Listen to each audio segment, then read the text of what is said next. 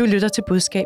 Det har hidtil kostet over 40 millioner kroner, og regningen er sendt til Nordic Waste. Men der er ingen, der ved, om virksomheden har tænkt sig at betale den, for ledelsen har ikke givet interview om den her regning. Nordic Waste har vendt ryggen til oprydningsarbejdet ved det kæmpe store jordskred, hvor miljøkatastrofen lurer, og også vendt ryggen til pressens mikrofoner. Hvornår er tavshed en klog krisestrategi? Hvor meget batter et par pressemeddelelser, når modparten kommunikerer ivrigt? Kan Nordic Waste undgå, at omdømmet skrider for dem? Velkommen til Budskab, Fagblad Journalistens podcast om kommunikation, hvor vi i dag også skal tale om de historier, som ikke helt kan bære at blive sendt ud som pressemeddelelser, og bliver det alligevel. Mit navn er Marie Nyhus, og jeg er som altid i selskab med to erfarne kommunikationsrådgivere. Det er dig, Karne Lykkebo, Group Managing Partner hos Gilmeiden Kise. Velkommen. Tak. Og så har vi dig med, Asbjørn Havstrup, kommunikationsdirektør hos Energy og tidligere særlig rådgiver blandt andet fra Margrethe Vestager. Også velkommen til dig. Tak. Vi starter med at høre, hvor I helst eller nødest vil være rådgiver, og i anledning af tronskiftet i søndags, så har jeg bedt jer om at vælge, hvor I helst eller nødest vil være rådgiver i den forbindelse. Karne, hvor vil du helst være?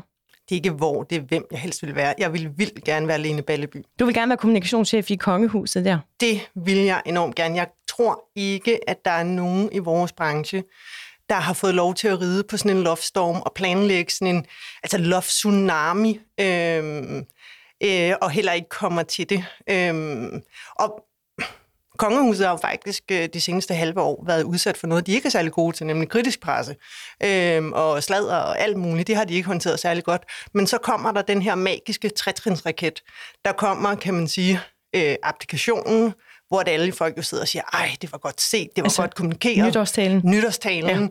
Ja. Øhm, vi sidder alle sammen og græder over champagnen.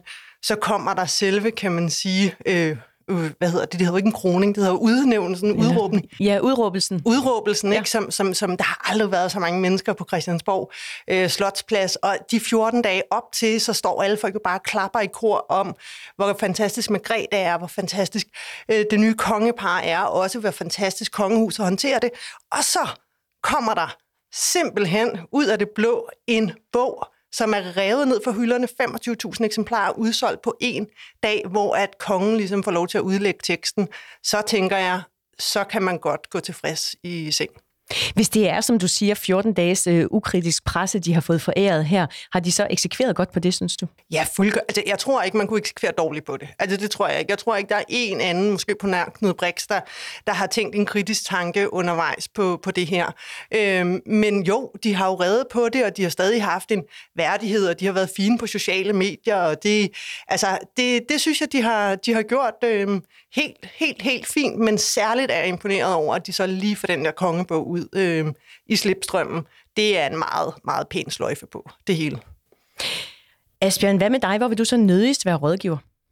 Jamen altså, jeg vil, jeg vil bare lige måske starte med at sige, at jeg er meget enig med Karne i, at det har været virkelig, virkelig godt. Og ja, måske er det svært at gøre dårligt, men jeg synes også, det har været rigtig, rigtig ja. godt. Altså det, at de har kunne holde på de der hemmeligheder. Mm. Det, at de på den måde kan styre hele narrativet, altså og overraske. Og det, den der bog, altså ja, det er en genialitet, men det er, jo, det er det dels fordi, man holdt det hemmeligt, dels fordi den kommer nu, men jo også fordi den arbejder så øh, strategisk med noget af det, der har været kritisk omkring øh, Kong Frederik, skal vi vende os til at sige. Hvad tænker du på her? Brand. Nå, men det der med, er der ligesom bund og dybt i ham? Er han mere end en sportsprins? Øh, det er han, nu taler han om tro og religion og børneopdragelse klima. og klima og biodiversitet. Og samfund. Og, og samfund og forbundethed og ikke forfængelighed, men jeg, jeg har glemt det andet F-ord. Men, men, men, men det, er jo øh, det, det er virkelig godt lavet, og så er jeg simpelthen utrolig imponeret over, at de har kunnet holde det hemmeligt. Øh, den er jo igennem trykken i politikens forlag og alle mulige andre steder, hvor der kunne være lækage. Virkelig godt lavet. Så tilbage til, hvor du nødigst vil være rådgiver. Ja, altså jeg har haft lidt ondt af jeg forestiller mig, at det er en her af studentermedhjælpere og SOMI-medarbejdere, der er sendt i arkivet for at prøve at se, om alle øh, vibber og halvvibber i dette land kunne finde et billede, hvor de på et tidspunkt har stået ved siden af noget, Bare der i mindste lignede dronning Mary eller kong Frederik. Og så er det rykket ind på, øh, på de sociale medier, og jeg, jeg synes, det er sådan lidt anstrengt. Og så er det jo også kommunikativt uden effekt, fordi det har været så overvældende. Men, men, men det, er sådan en, det, er sådan en, det er sådan en sjov ting, og det er jo ikke, fordi jeg selv skal holde mig for god til det. Jeg kom til at tænke på, efter jeg havde givet det her eksempel, jeg har selv sådan et billede, hvor jeg trykker John Kerry i hånden, som jeg har delt mange gange på Facebook, fordi jeg simpelthen var så stolt af det, og det er jo helt fjollet. Men det er sådan noget, man gør. Men tror du virkelig, det er helt uden effekt at skrive sig ind i den der historie om tronskiftet med et somi-opslag? Jeg var også engang sammen ja, med. Jeg, eller tror, jeg tror faktisk nærmest, det er sådan, jeg vil ikke sige, det er ynkeligt, men det der med, når man har fundet et øh, eksportfremstødsbillede fra 1972 til Albanien, hvor man har stået ved siden af kong Frederik, ja, så, så tror jeg, at det i bedste fald ikke har nogen effekt, og i værste fald er lidt ynkeligt. A 72 har man vel haft ham på armen, ikke? Jo, jo, jo, jo. I over en måned har et kæmpe jordskred ved virksomheden Nordic Waste i Ølst uden for Randers troet med at udvikle sig til en decideret miljøkatastrofe. Medierne har været på sagen siden starten af december. Med bare et minuts varsel, så har virksomheden meddelt Randers Kommune, at de stopper arbejdet med at forhindre jordskredet på deres grund. På tre uger har Randers Kommune brugt over 41 millioner kroner på at forhindre, at 2 millioner ton forurenet jord rammer Alling Å. Nu stiller staten også 205 millioner kroner i sikkerhed, for at arbejdet kan gennemføres under alle omstændigheder. Samtidig giver Miljøstyrelsen to påbud til virksomheden. Det er nødvendigt at lave daglige foranstaltninger for, at den nærliggende Ølstby ikke bliver begravet i mudder. Historier har der været masser af, men siden Nordic Waste den 19. december overlod oprydningsarbejdet til Randers Kommune, har virksomheden haft en gennemgående pressestrategi. Og vi har hele dagen forsøgt at få et interview med Nordic Waste. Det har de ikke ville. Nordic Waste har indtil nu ikke været øh, ude at sige noget om det. Har det været fuldstændig tavse i, i hele det her forløb. Og vi har altså forsøgt at få et interview med Nordic Waste. De har ikke haft lyst til at stille op. Vi arbejder stadigvæk på at få hul igennem. Vi har i dag været i kontakt med Nordic Waste, der ikke vil stille op til et interview. Virksomheden Nordic Waste er tavse. Karne, hvad får de ud af det? Når de tavse, så vil de være, ud fra min erfaring, ikke være en kommunikativ beslutning, men helt sikkert en beslutning, der er truffet af jura. Og sige, øh, hvis vi siger noget, jamen så kan det være, at det får nogle implikationer øh, i forhold til erstatningssager, i forhold til forsikringssager, i forhold til alt muligt andet. Så det er helt sikkert derfor, beslutningen er truffet i, i første omgang. Om de får noget ud af det, det tror jeg, at vi efter en måned kan sige, at der er det klare og rungende svar. Øh, nej, men hvis man skal give noget baggrund inden fra virksomheder, hvordan sådan en beslutning kan tages, så bliver den som regel taget ikke af en kommunikationsfaglig ekspertise, men af en juridisk ekspertise. Men har, de skadet, har det skadet dem, at de har været tavse i en måneds tid? Ja, selvfølgelig har det det. Altså, det selvfølgelig, selvfølgelig har det det, fordi man kan sige, de står jo i og for sig og bare lader nogle andre fuldkommen definere historien. Jeg ved ikke, hvad der er sket den 19. december, om det er, at de har sagt, som de jo så prøver at gå ud og nuancere, det her for kompleks en opgave til os, nu skal vi have nogle andre ind. Det kunne de jo have sagt, øh, og så vil man, man sige, okay, fint nok, nogle gange skal man ringe til beredskabet, men fordi de siger stille, så bliver narrativet jo, at de er lusket ud øh, om natten og efterladt et kaos, som, øh, som øh, kommunen og i sidste ende skatteborgerne må, øh, må rydde op. Øhm, så derfor har de bestemt ikke fået noget ud af, af deres tavshed. Og hvis de havde håbet på at sige, fint, nu blæser det over, og så må vi jo tage konsekvenserne i en, i en, en, en retssag eller en, en forhandling, økonomisk forhandling senere hen, så kan man sige, det er jo afgjort på forhånd nu, fordi at folkestemningen, som jo altså stadigvæk påvirker det juridiske system til, til dels, især når vi har ubetrådt land, den er altså vendt, og nu er der jo også en meget, meget stor øh, sandsynlighed for, at der også kommer noget politisk indblanding. Mm, vi gemmer lige nuancerne til lidt senere, fordi vi skal også lige have med, at øh, deres modpart, altså Randers Kommune, har udsendt i hvert fald 20 pressemeddelelser på under en måned, øh, og deres kommunikationschef har over for budskab vurderet, at de har stillet op til 5-6 interviews dagligt om denne her sag. Oveni så øh, kommer, at mellem jul og nytår, så var pressen med, da Miljøminister Magnus Heunicke besøgte området ved Nordic Waste og kaldte det for en tikkende bombe. Jamen det her det er ekstremt alvorligt, og øh, jeg tror, at det ikke går helt så meget for danskerne nu, hvor alvorligt øh, det her er. Øh, men det her, vi taler jo om vores, i sidste ende er det jo vores havmiljø, fordi den her å fører altså ud i Randers Fjord. Du griner, Asbjørn. Det er havets minister, der lige får havet med i uh, narrativet. Men vi vender lige tilbage til Nordic Waste, fordi du nikkede før, da Karne hun, hun talte om den her skurkefortælling, der bygger sig op. Hvad betyder det for Nordic Waste, at mens de er tavse, så er der nogle andre parter, der kommunikerer rigtig meget? Jamen, det styrker jo øh, den situation, som Karne beskriver som malerisk. Altså det her, at man, man vurderer jo forskellige risici i, i, i sådan en situation, og en ting er en juridisk risici, og noget andet er en omdømmemæssig risici. Og tit så undervurderer man den omdømmemæssige risici, og, øh, eller risiko, og begge risikoer, eller begge risici, ender jo i, øh, i noget, der har med økonomi at gøre. Og det peger jo i virkeligheden også lidt fingre på vores erhverv, altså at vi nogle gange er for dårlige til at være konkrete og i tale sætte, jamen hvad er så konsekvensen af den her øh, omdømmemæssige risiko, der er ved sådan nogle øh, krisestyringshåndteringer. Og det er klart, at når Randers Kommune de kommunikerer så afsindigt aktivt, øh, som de gør, jamen så, så sætter de sig jo 100% på, på spillepladen og 100% på narrativet. Og da vi blev bedt om at finde en bedst og nødest, der havde jeg faktisk tænkt på, at jeg ville øh, tage ham her, kommunaldirektøren fra Randers, fordi ikke bare kommunikerer de meget, men de er også rigtig, rigtig gode til det. Altså han er god til på en nogenlunde afbalanceret måde, og uden at love, at han kan løse de her problemer, og få skubbet Nordic Waste helt over i skurkerollen, mens han selv står, om ikke som en held, så i hvert fald som en handlingsmand, og det samme gør Randers Kommune. Mm. Nu sidder vi her og taler om Nordic Waste-strategi øh, i forhold til kommunikations effekten. Men sagen om Nordic Waste er jo også en sag om en mulig miljøkatastrofe, som udover miljømæssige konsekvenser også kan ende med at have øh, store økonomiske konsekvenser for skatteborgerne. Hvis vi ser på det ud fra et moralsk perspektiv, er det så okay, at Nordic Waste er så tavse? Ja, altså det der med moral og forretning, det er altid sådan en lille bitte smule øh, svært.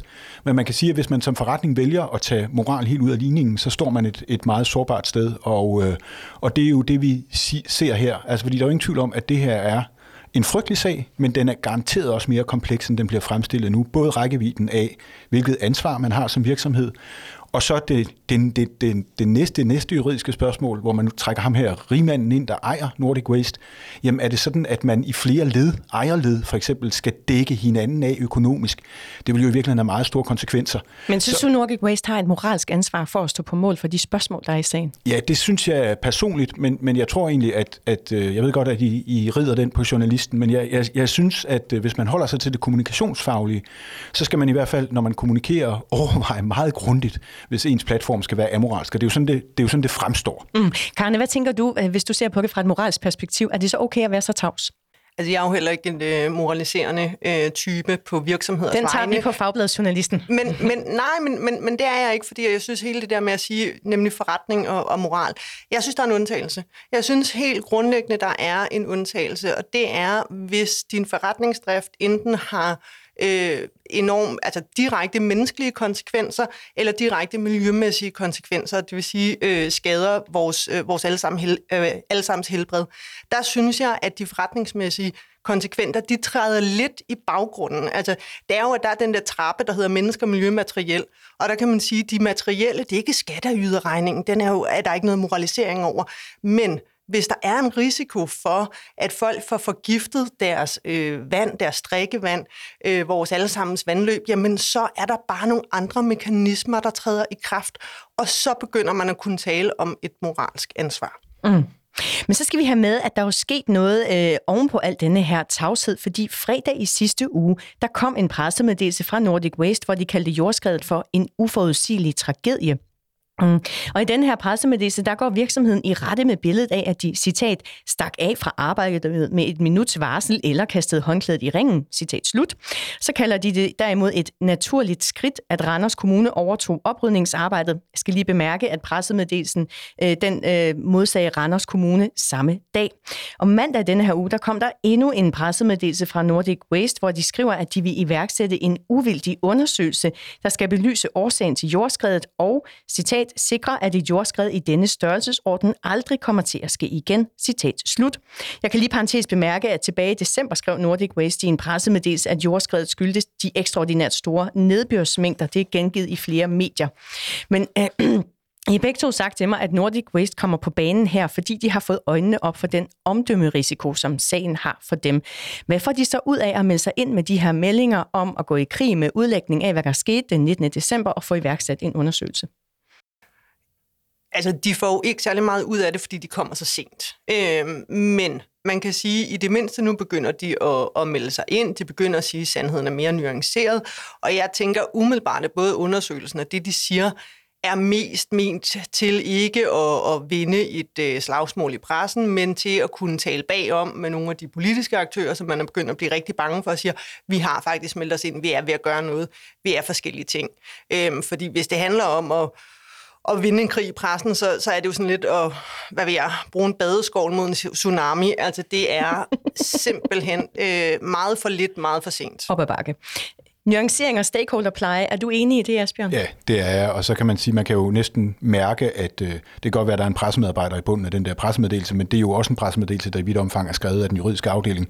Det handler om at fornævne alle de steder. Det? Jamen, det er jo alle de steder, der er, er, er, er, er muligvis juridiske gråzoner. Altså, er det her øh, et, en påregnelig konsekvens af noget, man ikke har gjort, som man skulle, eller er det et uheld, der falder helt uden for for kategorier, som man, selvom man havde opført sig fuldstændig bonuspateragtigt, så kunne man ikke, øh, så kunne man ikke have gjort noget ved det, fordi det simpelthen bare har regnet helt enormt meget. Øh, er det sådan, at, øh, at hvis noget, som Karne startede med at sige, fuldstændig overstiger ens håndteringsevne, er det så sådan, at det i virkeligheden er i orden at trække sig og overlade det til beredskabet eller myndighederne?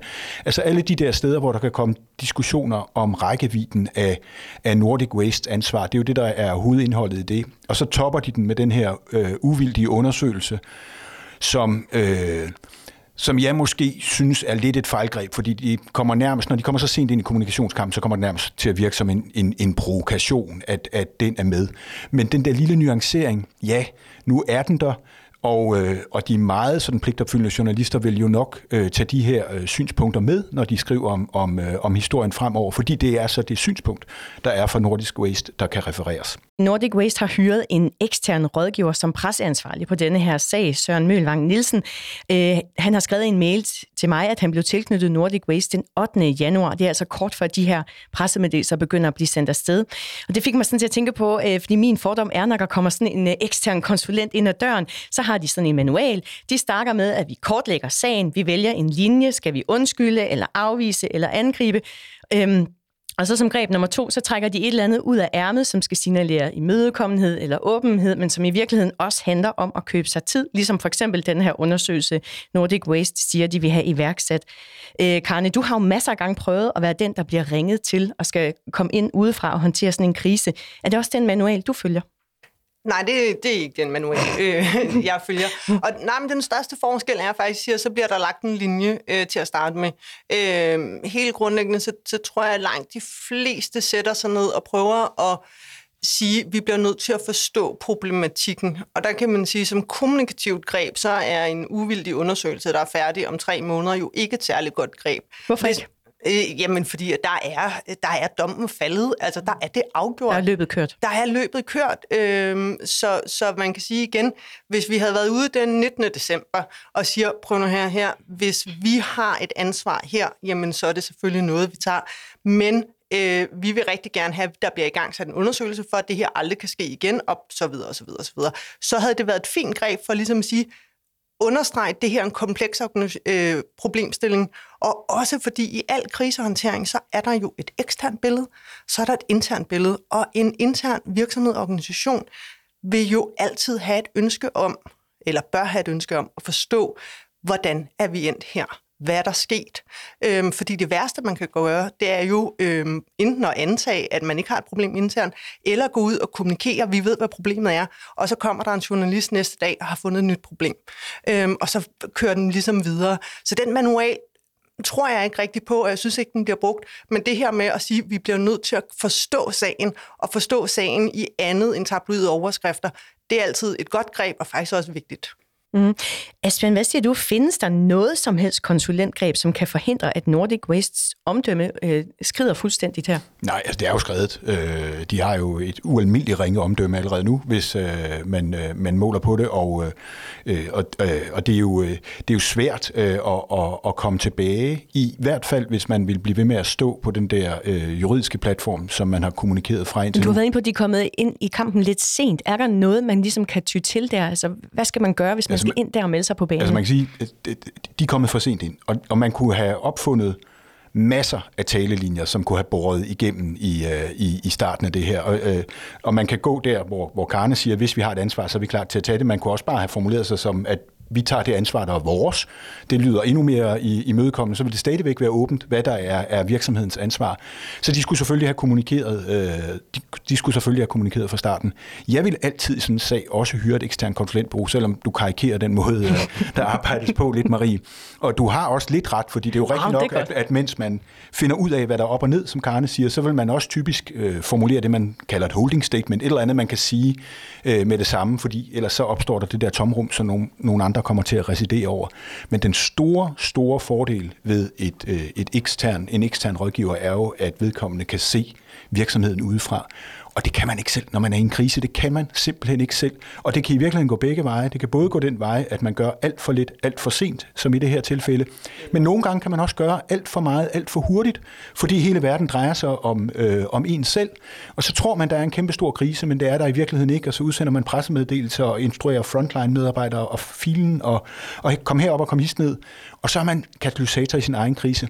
Så en ekstern konsulent, også selvom de måske har lidt en playbook, det er altså en meget god idé. Og så vil jeg også sige, at jeg tror umiddelbart, at det der må være konklusionen. Jeg tror, at Nordic Waste er tabt.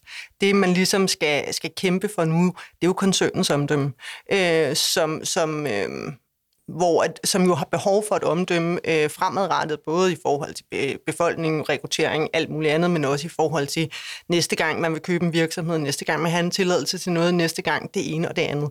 Så jeg tror, at, at det vi ser nu, det er, at Nordic Waste, øh, det må det, det, det må gå, som det går, men, øh, men at øh, nu handler det om koncernen.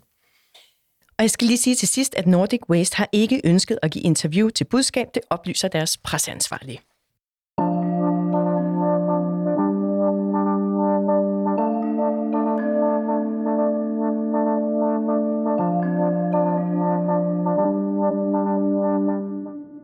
Du lytter til Budskab, Fagblad Journalistens podcast om kommunikation. Husk, at du altid kan skrive, hvis du har et spørgsmål til eksperterne, eller måske et dilemma fra dit kommunikationsjob. Skriv til budskab journalisten.dk.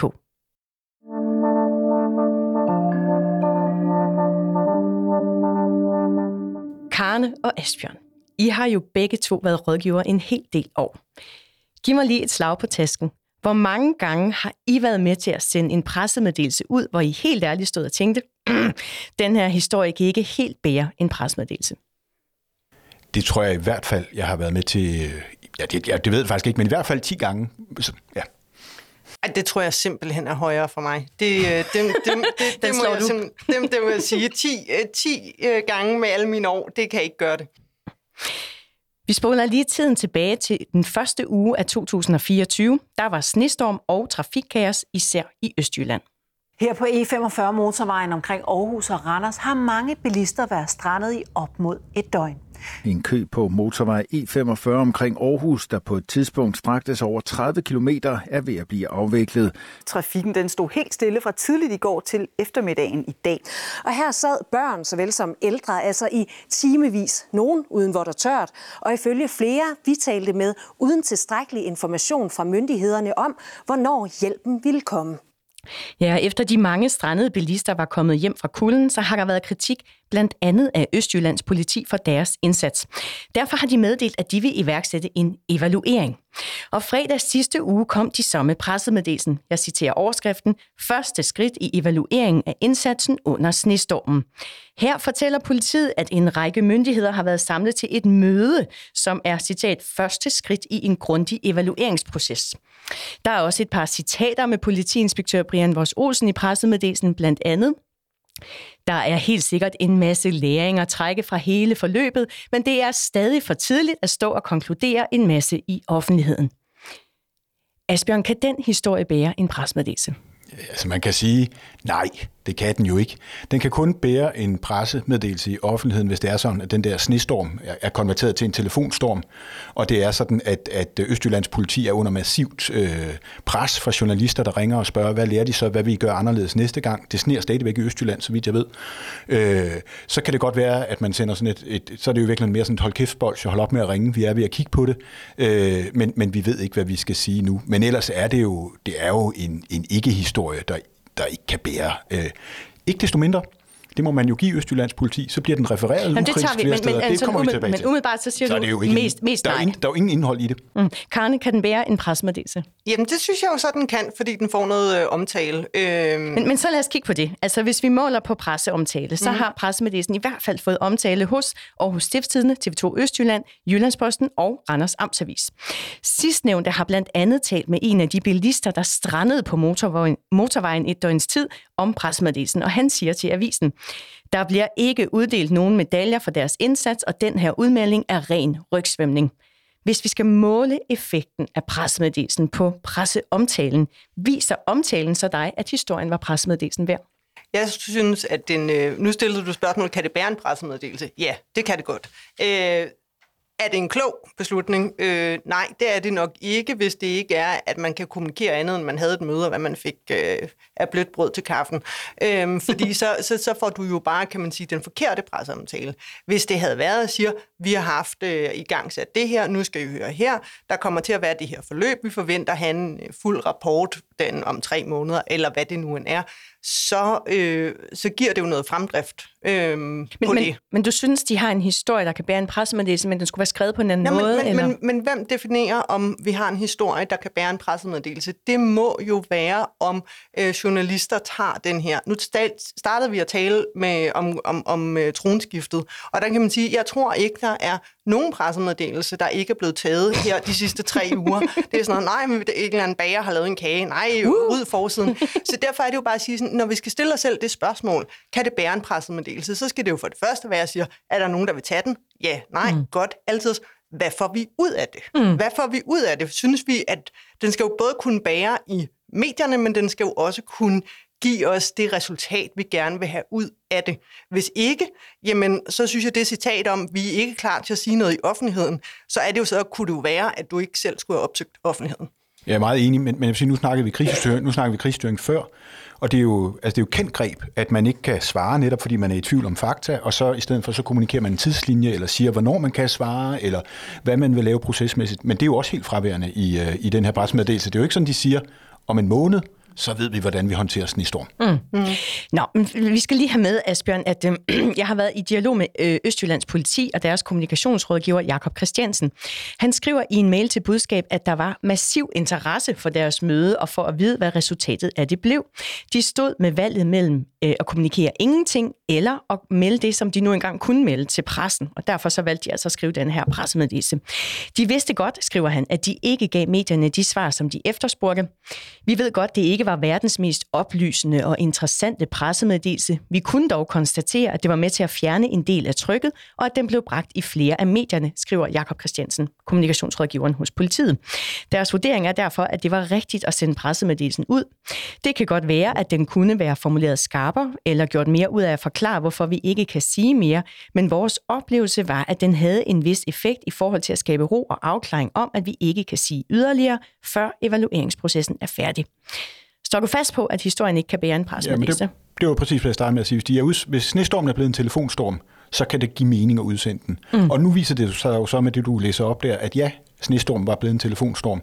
Og så er det jo i virkeligheden bare en meddelelse, der ikke nødvendigvis behøver at blive refereret, men som i virkeligheden bare skal registreres på redaktionerne. Og så er der så nogen, der åbenbart mangler stof, og de sætter så den her ikke-historie i avisen. Ikke? Men når du ser på den presseomtale, den har fået, mm. synes du så, at det, det er godt til at, godt til at hvad skal man sige, for, for, forsvare, at de har sendt en pressemeddelelse ud? Nej, altså det, det synes jeg ikke, fordi det er en ikke-historie. Jeg synes, det eneste positive, der er i den, det er egentlig det afsnit, du ikke læste op, hvor de uh, siger, at de ved godt, de har et problem. Altså mm. de ved godt, at, uh, at det ikke var en optimal uh, håndtering, de lavede på den nordjyske motorvej. Og det i sig selv er jo meget fint, fordi det er en meddelelse til Carsten og alle de andre, der sad om, at vi tager jer seriøst. Men det er heller ikke i sig selv nok til en pressemeddelelse, synes jeg. Og jeg synes, der er forskel på at være en bager, der har bagt en kage, og gerne vil i avisen, og så være en institution som politiet. Mm. Hvorfor sker det overhovedet, at der bliver sendt pressemeddelelser afsted, hvor historien ikke rigtig kan bære det?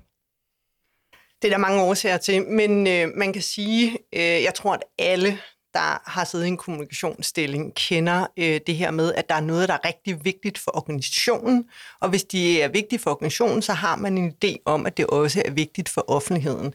Og så ender det nede på kommunikations- eller pressemedarbejderens bord, at der kommer nogen og siger, ej, nu har vi lavet en eller anden ny øh, intern strategi, eller vi har den her nyhed, som vi selv synes er rigtig vigtig, og vi vil lægge den på intranettet, men vi vil også rigtig gerne i avisen. Så det er simpelthen, at der er sådan et indre liv i organisationen om noget, som organisationen synes er vigtig, og så, øh, så har man en antagelse om, igen, man lever i sit eget indre liv, at det er også øh, voldsomt vigtigt for omverdenen og for det at vide. Men hvad er så dit råd til den kommunikationsrådgiver, hvor direktøren eller formanden, eller hvem det nu er, kommer og smækker en eller anden historie ned på bordet og siger, at vi skal have en presmeddelelse ud, vi skal i aviserne eller i tv-avisen? Eller? Jeg tror, jeg har sådan tre øh, råd. For det første, stil dig selv det spørgsmål, skader det noget? Øh, hvis det skader noget, jamen, så skal du gå i, øh, i krig med det. Øh, hvis det ikke skader noget, så er det så at sige, okay, fint nok, øh, så skal jeg bruge øh, en halv time af mit øh, liv på, på, på det, men hvis alle folk er glade, og der kan i kantinen, jamen, så kan det jo være, at du kan, kan leve øh, med det. Øh, som kommunikationsmedarbejder er vi jo enormt afhængige af at have øh, nogle gode relationer ind i, i organisationen. Og det tredje fif, som jeg faktisk ofte har brugt, det er at udfordre os og sige, kan det bære et indsalg? Øhm, fordi altså hvis udfordre det... den, der kommer med den måske ja, lidt tvivlsomme historie. Sige, så sige, hmm, kan, kan, vi, kan vi egentlig sælge det ind? Og så kan vi sige, hvad har vi behov for at sælge det ind? Når men vi har behov for, for, nogle, øh, for nogle tal. Så står direktøren og siger, åh nej, det må vi ikke komme ud med, fordi det er forretningshemmeligheder. Nå, okay, så har vi behov for en ekstern kilde, der bakker os op. Nej, men det har vi ikke. Og så på den måde, så, så går det jo nogle gange op for folk, at så kunne det være, at vi skulle holde det på intranettet. Jeg tror, at der er jo øh, mange, man kunne jo vælge mange andre platforme.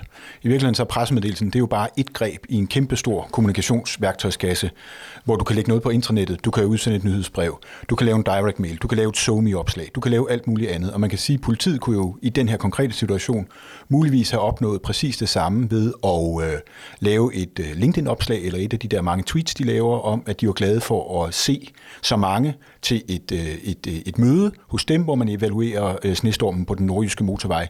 Vi har endnu ikke nogen konklusioner. Altså det er også fordi pressemeddelelse for nogle organisationer, det er sådan ligesom en automatreaktion. Vi har et eller andet, som vi har behov for at kommunikere. Måske af hensyn til pressen, måske af hensyn til alle mulige andre stakeholder, der bare skal se, at man, man, man synes noget er vigtigt, som i den her situation, hvor det virkelig ikke er for at kolportere en historie, men for at styre noget, et, et, et medietryk. Og så er der jo rigtig mange andre platforme, man kan kommunikere på end lige pressemeddelelsen. Men så kan jeg spørge som Karne, skader det? Ja, altså, jeg tror ikke, det her øh, skader, men jeg tror, at hvis man er øh, en, øh, en organisation, der spytter pressemeddelelser ud til højre og venstre, der ikke er historier i, så er der alligevel på hvert stofområde ikke så frygtelig mange journalister, og så bliver man sådan lidt en træt kilde. Så en enkelt en en gang imellem, det skader på ingen måde. Men, men, men, men hvis man sådan, hver gang man slår en prut i et hjørne, udsender en pressemeddelelse, ja, så kører den jo direkte i papirkurven øh, på redaktionen. Karne Lykkebo og Asbjørn Havstrup, tak for at være med i budskab i dag.